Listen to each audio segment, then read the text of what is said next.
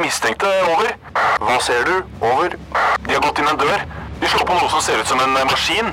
Nå går de bort til et høyt bord med noen svarte ting. Kan se ut som et våpen. Over. Ja, vent. Får videre instruks. Over. Nei, vent! Det kommer på en rød lampe. Over. Røverradioen. Norsk fengselsradio. Havald, puster du, eller? Ja, så vidt. Det er jo sånn betjentene gjør hver morgen med oss. Eh, De skal sjekke om vi puster. Ja. De åpner døra for å si eh, god morgen, god morgen, men det er ikke for å vekke oss, det er for å se om vi er i live. Ja, Det er litt slitsomt. Hver morgen de kommer syv på morgenen. Så du puster i hvert fall i dag, og vi får prøve å puste de neste 30 minuttene hvor vi skal være her på Røverradioen. Eh. Jeg heter Steffen og har med meg Haval. Halla, du. Vi lagde jo litt pizza i helga. Ja, Den den, den smakte godt, men vi fikk veldig vondt i magen. Ja, det ble et par turer på toan eh, dag tidlig. Ja, Jeg starta fra i natt, jeg, for å si det sånt. Så jeg lurer på, hva er det som gikk gærent? Var det deigen som ikke var stekt godt nok, eller var det pepperonien som hadde gått ut på dato? Jeg veit ja, ikke. ikke rart når man putter fire pizzaer i ovnen samtidig. Da Går det gærent? går ikke så bra, vet du. Men uh, vi skal høre litt fra deg, da. Du har jo vært i et belasta miljø, og du har vært så uheldig å bli skutt uh, tidligere. Ja, det stemmer. Så vi skal få høre litt åssen det er. Hvordan eh, følelsen er å bli skutt, Hanna. Altså, følelsen om uh, å bli skutt, det er litt vanskelig å si. Men, men, det- men det får jeg høre dere senere. Yes. Og så kommer jo krimreporteren Olav Rønneberg her i dag, og skal vi høre litt hvordan dem bedriver journalistikken sin. Eh, Jeg syns de hauser ting veldig opp i media før saken er oppe og avgjort. Eh, skriver både det ene og det andre om relasjoner og familierelasjoner og navn nesten, eh, og alder og Ja, så vi skal høre litt fra han åssen det egentlig er, og følelsen av å bli litt utlevert før man egentlig er dømt. Ja, Og så har vi en eh, god myte nå fra våre innsendere. det stemmer. Hva er myten? Det sies at det er mye hardere å sone på høysikre fengsel nå enn det har vært før. Ok, ok, ja, men eh, da får vi bekrefte eller avkrefte den myten litt seinere i sendingen. Ja, det skal vi. Ja, men ok, Haval, da setter vi i gang. Hell yeah, let's go!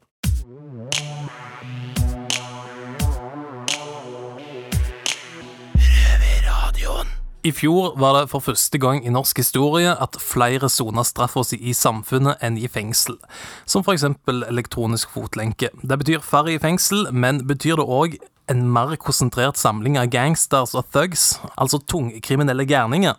Jeg heter Ola, og jeg er ansatt i Røverradioen, ikke innsatt, men jeg har med meg et par av de òg, heldigvis. Hallo til deg, Steffen og Haval. Hallo. Hei, hei. Du, Vi skal ta for oss en påstand om fengsel. Normalt kommer jo de fra Facebooken vår, eh, som lyttere har skrevet inn sine myter og fordommer om fengsel. Men denne her er litt spesiell, for denne kommer fra ganske høyt hold. Denne kommer fra Kriminalomsorgens høgskole og utdanningssenter, eh, KRUS. Det er en forsker der som heter Tore Rokkan.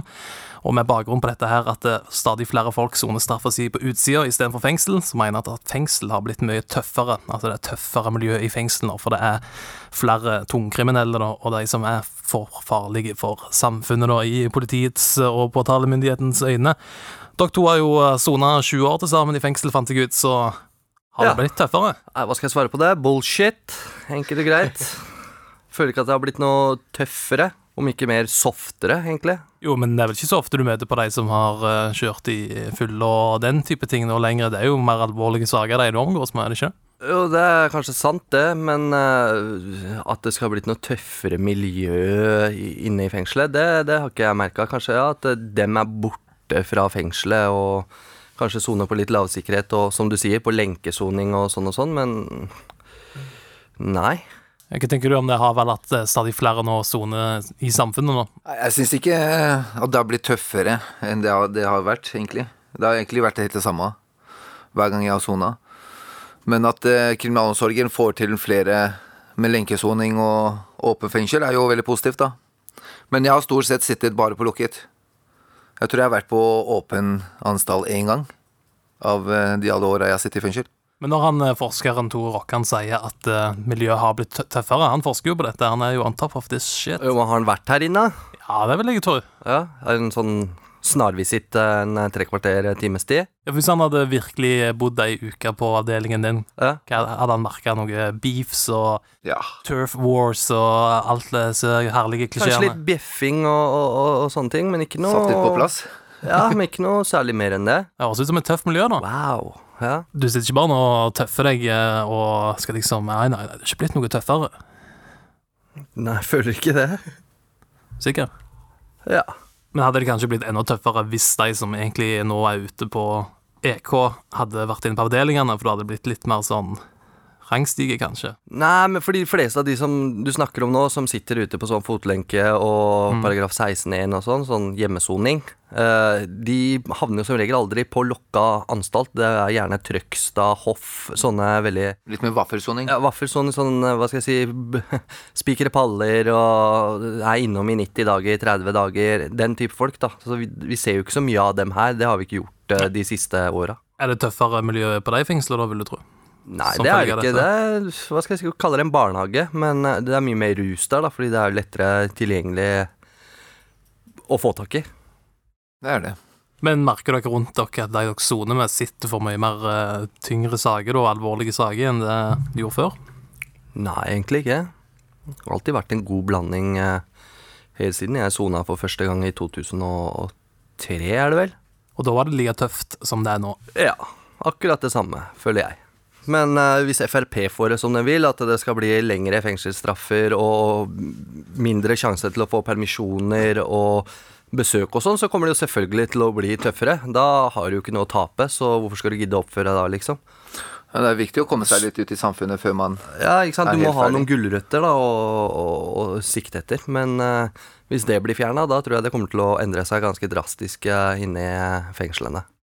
Men da tror jeg vi kan sette to eh, fine røde streker under svaret og si at det nok alltid har vært tøft eh, inne i lukka avdeling, om jeg forstår deg rett, men at det blir noe særlig tøffere nå som stadig flere soner straffa si i samfunnet enn fysisk bak murene. Det Det er Ja. sludder og pølsevev. Ja, det hørte du det rett fra kildene sjøl. Og hvis du der hjemme sitter med en myte, en fordom eller eh, noe du har lyst til å finne ut av om livet bak murene, send det inn til oss på Facebook. Du trenger ikke være forsker. Du finner oss med å søke på Røverradio.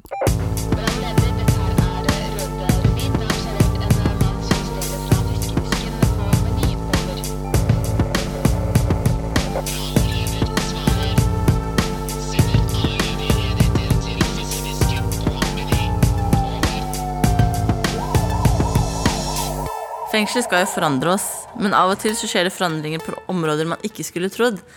Amela heter jeg og sitter her med Helga. Og du har jo fått en slags åpenbaring mens du sitter her inne, på sykemeldinger, faktisk. Fortell. Ja, det stemmer. Jeg har forandret min oppfatning totalt angående uh, velferdssystemfungering angående til å være syk. Jeg var i friheten, uh, benyttet meg, jeg meg av alle de godene som det fører når jeg eh, var syk. Eh, For at systemet var tilrettelagt slik. Men her i fengselet, tross at jeg har kroniske sykdommer og sliter med en del ting, eh, tillater meg jeg ikke å være sykmeldt. Ja. Benyttet deg mye av sykemelding før du kom i fengsel? Ja, jeg har gjort det, det siste, øh, særlig de siste årene før jeg kom til fengsel. Og det ble tilrettelagt alle de godene, eh, som for alle andre.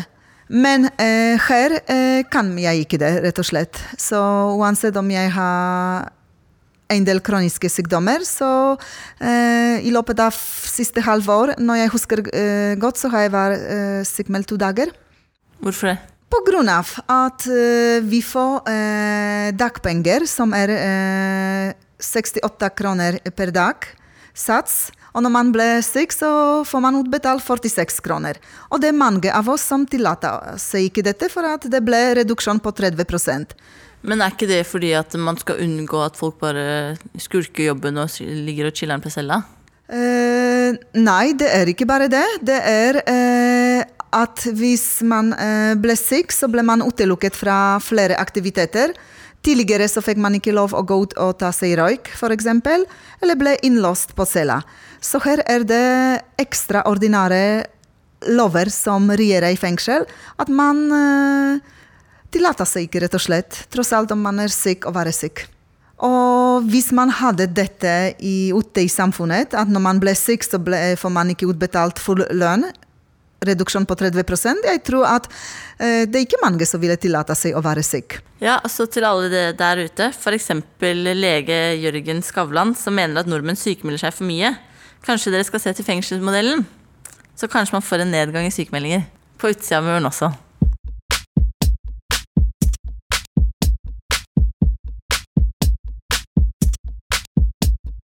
Ja, I gamle dager så vi folk eh, banke dritten ut av hverandre på Colosseum eh, som gladiatorer i Romerike. I dag ser vi på nyhetene for å fylle samme behov. Jeg nevner i fleng Jensen-saken, gifteangrep i, London, Moland og French i Kongo, og ikke minst Rakett-Madsen, kjent fra ubåtsaken i Danmark.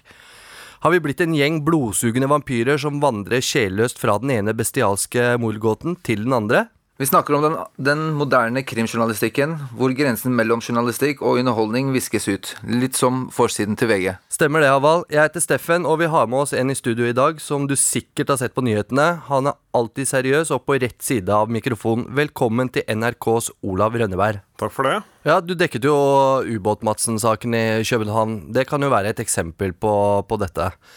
Hvorfor får en sak så mye oppmerksomhet? Eh, hos oss har den saken fått eh, så mye oppmerksomhet av flere årsaker. Eh, for det første så var det en eh, kvinne som ble drept på veldig brutalt vis. Eh, så var det en profilert journalist. Hun, hun drapsofferet var en profilert journalist som var der på jobb. Mm. Som gjør at vi mener det er ekstra alvorlig og ekstra viktig å, å dekke det. Eh, og så var dessuten den påståtte gjerningsmannen eh, var en kjent profil i Danmark. En kjent oppfinner som var kjent for å ha skutt opp raketter, bygget ubåter. Som var en stor profil i Danmark. Så da mener vi summen av det eh, gjør at vi bruker tid på det.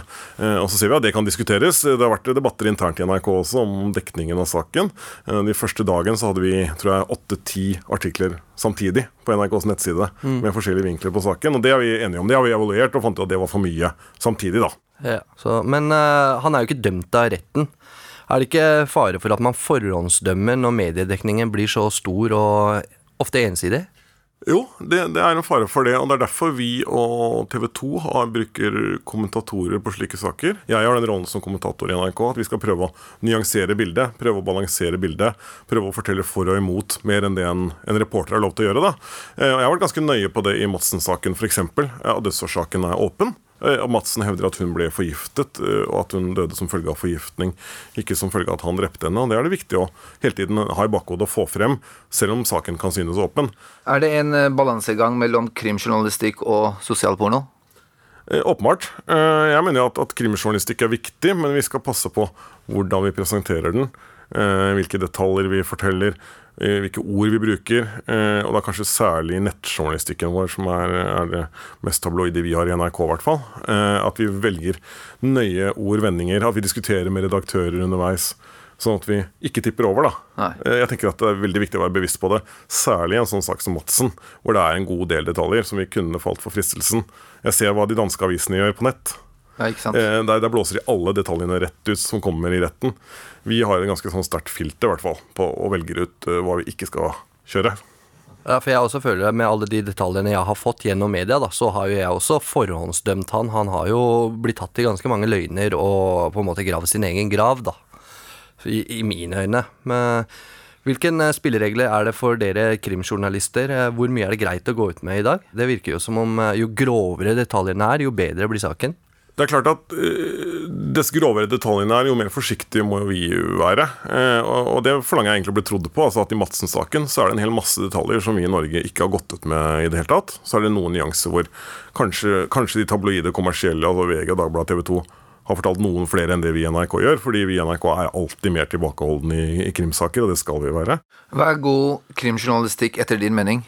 En viktig del av krimjournalistikken er jo å, å ettergå f.eks. Eh, hva politi og påtalemyndighet mener. Eh, Baneheia-saken er et godt eksempel på, på journalistikk som eh, går i disse dager. Ja. Ikke sant? Der er det skrevet en bok som ta, går i rette med dommen i Baneheia-saken.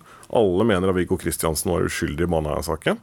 Så er det en frilansjournalist som har lest alle saksdokumentene, skrevet en bok, eh, og som er helt sikker på at Viggo Kristiansen er uskyldig. Mm, Den boka ble jo nettopp Boka ble lansert for Ja. eh, noen uker siden, eller Stemmer i hvert fall ikke så lenge siden.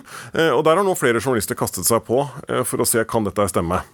Og det har gjort med at man da har fått en debatt i pressen som, spør du meg, tipper kommer til å ende med at den saken i hvert fall får en, en gjenopptakelse. Ja. Jeg sier ikke at Viggo Kristiansen er skyldig eller uskyldig, men jeg tror den journalistikken har ført til at det vil bli en, en ny prøving for retten. Kan det skje at politiet prøver å påvirke media i kriminalsaker? Alle prøver å påvirke media i kriminalsaker.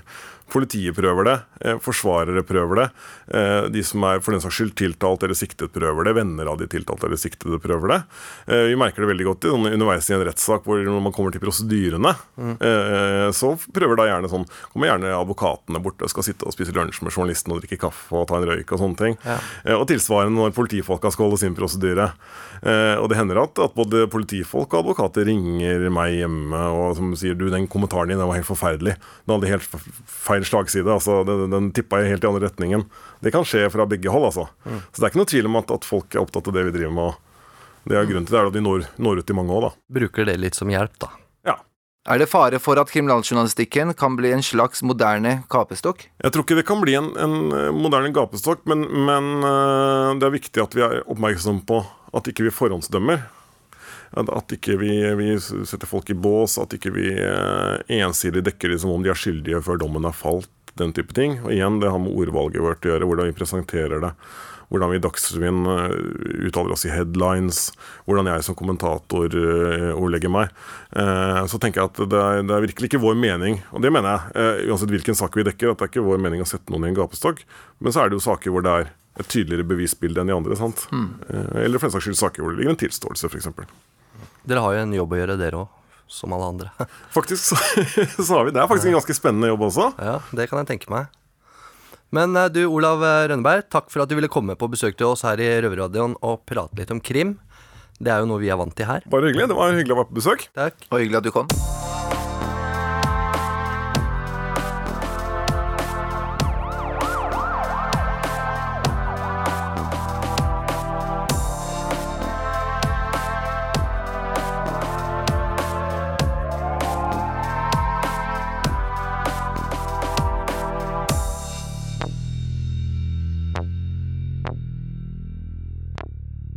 Jeg heter Noah. Jeg står her med vår nye røver Haval.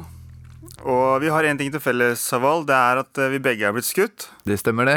Men eh, det er jo nytt for lytterne å eventuelt høre om hvordan det er å bli skutt. Men eh, det er jo oppblåst i media, og dette her med våpen, og det er veldig sånn et hot tema da, i mediebildet. Men hvordan er det egentlig? Det skal vi snakke om nå. Ja. eh, Jeg ble jo skutt for eh, fire år siden tilbake nå. Ja. Og det er Det er ikke akkurat som å se på en film. Det gjør jo veldig vondt. Ikke sant? Og du merker jo adrenalin og Og Ja. Det var mye blod, for å si det sånn. Ja, ja, ja, ja, ja. Nei, eh, min opplevelse er veldig lik der. da Det var eh, veldig sånn frykt og veldig sånn angst. Hva skjer nå, liksom? Skal jeg dø nå, eller hva skjer nå? Men eh, masse blod, og, og egentlig Smerten kom ikke med en gang heller. Den kom sånn, sånn til når han først kom, for at det gikk så fort, og du adrenalin og mye tanker, og du veit hva jeg mener. Ja, det var det jeg tenkte først, da, at nå kommer jeg til å dø. Det, altså, han skjøt jo syv skudd imot meg. Ja, ja, Så ene skuddet traff jo meg i armen, og den ene snudde hodet. ja. Jeg veit ikke hvilken eh, type våpen jeg ble skutt med, men uh, hva med deg, eh, Haval? Altså, jeg blei skutt med en uh, grovkaliber, en 375, Ja. og den gikk jo tvers gjennom uh, armen. Ja, ja. ja. Nei, men bare ett spørsmål. Hva skjedde oppi hodet ditt akkurat da? Hvis du husker det, kan du si noe om det? Nei, altså, jeg løp jo i det første skuddet traff meg, da, og da tenkte jeg ok, nå kommer jeg til å dø. Mm, mm. Fordi han som skøyt meg, løp jo etter meg og skøyt seks skudd til. Såpass, ja. Altså til sammen syv skudd. Han tømte jo magasinet mot meg. Og så følte jeg at den ene skuddet snidde hodet, da. Og da så jeg bare bilder av øh, barna mine og tenkte ok, nå, nå kommer jeg til å dø. Ja, ja, ja. Nei, det er, eh, bare du snakker om det, så kjenner jeg forfrysninger og blir sånn frykt, liksom. Fordi det, det er ille. Det er faktisk Det er jævlig jo ille. kjempeille. Det er jo ikke Altså, man ser det her på film. Mm, Man tenker ikke at man skal øh, At det her skulle bli en virkelighet. Jeg kjente jo ikke smerten før jeg la meg ned. Nei, nei. Og da det føltes som Rett og slett som armen var i brann. Ja, At det brente over hele kroppen. ja, Så hadde ikke jeg stoppa blødningen da, så da hadde det gått veldig ille. ja. Når jeg begynte å blø skikkelig, da sa han som skjøt at nå må du bare gå. Du må ikke ha så mye blod her. Men du Så kom jeg- deg til legevakta? Ja, jeg bare løp hjemover, husker jeg. Løp til mora mi. Jeg var jo 17-18 år eller noe sånt den gangen. Så jeg gråt som faen og bare løp hjem. Mora mi kjørte meg til Ullevål sjukehus. Ja, det er ikke noe kult det der, altså. Mora mi begynte å grine og tok av det der. Altså. Men eh, det svei som faen, husker jeg. Det er liksom det jeg husker, da.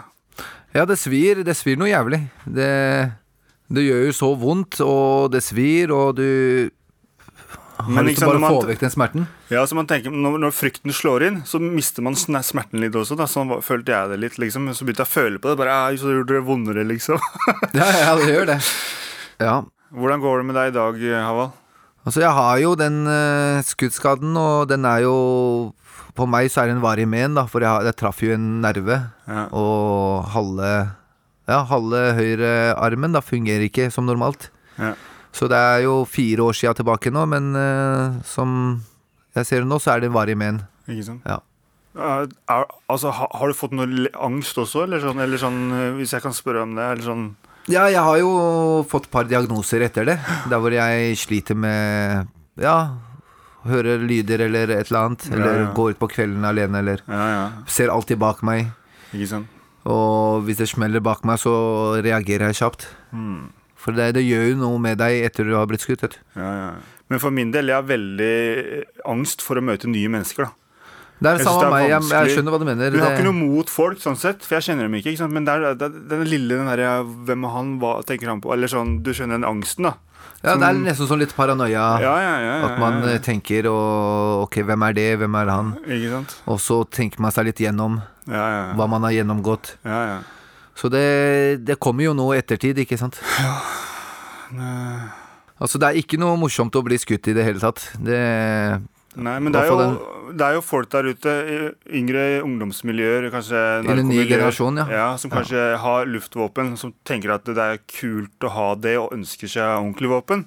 Og det er jo veldig farlig trend som er ute og går nå. Mm. At de kjøper seg en eh, softgun eller en gasspistol, eller hva de kaller det. Ja, ja. Og så etter hvert så får de tak i en ordentlig våpen, og de syns det er jo veldig morsomt å gå rundt med det her, da. Ja, Men eh, det er jo veldig farlig òg. At det kan gå veldig gærent. Mm. Jeg har jo sett fra jeg var eh, 17-18 og til nå, når jeg er 35, så er det en utvikling. Det har jo vært en veldig høy utvikling Det. Veldig jo. Altså, det er jo ungdommer helt ned til 13-14-årsalderen Ja, som er ute og går med gatter, da, som de kaller det, Ja, på pistol. Og Nei, de går jo rundt og syns det her er tøft, og møter opp på, ja, på klubber og ute på byen, eller lager opprør, eller så tar de opp eh, pistol og skyter på hverandre, og det er jo det er ikke noe bra i det hele tatt, Nei. utviklingen. Hvis du vips dreper noen, så må du jo sone minimum tolv år. Ja, da er du inne i fengselet, og der, der sitter du da. Da er det ikke så kult lenger. er vi sitter jo i fengsel nå, så vi veit jo hva vi prater om. Det vet vi. Jeg tenker sånn Når man er yngre, man ser ikke helt klart, man tøffer seg for andre. Man uh, har ikke blitt utvikla seg nok til å liksom ta egne avgjørelser for seg sjøl, kanskje. Jeg veit ikke. Nei, dessverre så blir de jo også brukt av de eldre òg. De yngre blir jo rekruttert da, av litt eldre i miljøet. Ja, ja, Og de får litt penger, eller de får litt å røyke på, eller hva det skal være. ja, ja, ja. Så syns de det er eh, Så bruker de eldre miljøene eh, Bruker de yngre da på å gå med pistol og for å bære for dem, da. ja. Og dessverre så har det blitt sånn nå per i dag. Sånn helt til slutt, Haval, hva skal vi si om det å bli skutt? Det er bare å unngå å bli skutt. Det er bare å unngå enkelt og greit. Det er klar tale.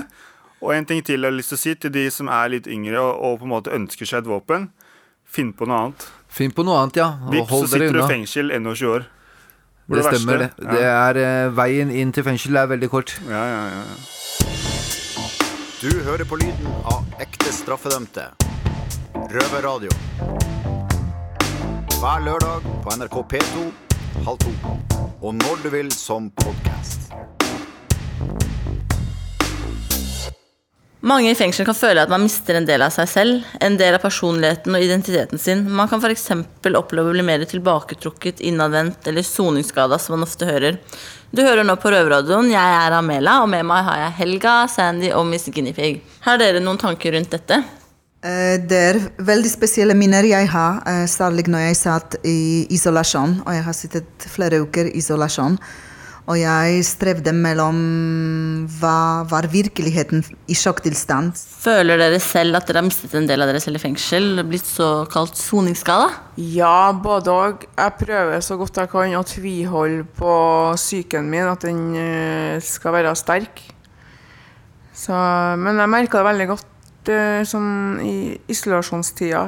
Tre måneder nede i en sånn mørk kjeller, det var ganske tøft. På hvilken måte da? Eh, på en sånn måte at uh, jeg merka at jeg har vært litt redd folk. Men jeg var også veldig glad for å se folk når det kom Ja, bare samme hvem det var, det som det var betjent eller Ja, det var jo bare betjente der, så var det bare dem å se. Men det var veldig godt å se når de kom inn og spurte hvordan det gikk med meg, sånn, så ble jeg veldig glad for det. Ja, Det er forståelig nok. Det første jeg tenker på når du sier soningsskade, det er første gang jeg var i butikken etter å ha sona jeg tror det var fire år. Jeg husker ingenting av den turen. Um, hvordan tror du at man kan unngå å miste seg selv i fengsel? unngå å miste seg sjøl. Altså man må være veldig mye fellesskap og så prøve å være så sosial som man kan. Uh, spille kort og sånn ting kanskje ikke er så alt spennende bestandig, så bare ja komme seg ut blant folk, ikke sitte så mye på cella. Men for meg var det viktig å beholde en del av meg, av de faste rutinene som jeg hadde fra min hverdag, hvor jeg bokstavelig talt stod opp og gjort eh, de morgenrutinene som jeg pleide å gjøre. Hvor jeg spiste måltid på cella og satt på klassisk musikk og visualerte om barna og dyrene mine. og Nei, jeg bruker permisjoner. Før så brukte jeg fremstillinger eh, for å rett og slett komme meg ut av fengselet. For det kjente jeg at det var det som hjalp meg. Det tok jo lang tid, selvfølgelig, fordi jeg var jo Jeg vet ikke hvordan jeg skal beskrive det, men, men jeg hadde jo litt angst og sånn når jeg var på, på tur ute og sånne ting. Og, men nå er, det jo sånn, nå er det sånn jeg gleder meg til å gå ut. Ja. Men det viser jo hvor lang tid det tar, da. Fra noe så hardt slår deg, til at du faktisk kan gjøre det igjen, helt naturlig. Du gleder deg til å gå ut også, ikke sant? Ja. Med det. Jeg gjorde jo ikke det før, for jeg var redd. Og så er det ikke noe artig når man skal gjøre det bare for å gjøre det, for å øve seg til å bli normal igjen. på en Ikke måte. sant? For å vise andre. Ja. Eh, Jeg ble helt stum for at dette er en stor påkjenning for meg å snakke om dette. Eh, For at jeg merket at jeg bare å snakke om dette, så får jeg flashback og angst. Men det som er viktig for min vedkommende, at eh, jeg ikke mista meg selv, hvem jeg var, eller hvem jeg er virkelig, og min integritet og min personlighet, skal ikke den pokkers fengsel utlegge. Nei, ikke pokkers, men eh, ja. Og det er eh, med mine rutiner som grenser til tvangsrutiner av og til, men eh, det er for å bevare meg selv oppi alt dette. Men er ikke litt av poenget med å sitte i fengsel at man skal komme ut som en ny person? Kanskje en litt bedre person? Jeg har, øh, har jo en historie med den rusen, så jeg har jo et helt annet grunnlag som jeg har måttet bygge opp. Men jeg likte jo ikke den personen jeg var som rusa. Så jeg er veldig glad for å ha Nå har jeg faktisk vært nyttelen i seks år snart, så jeg er veldig stolt av det. Oi! Yes. Applaus for det. Yeah. så det, det kommer godt med. Jeg føler faktisk at jeg har blitt uh, en litt uh, mer ålreit person å omgås bare pga. det. En bedre utgave av deg selv. Ja.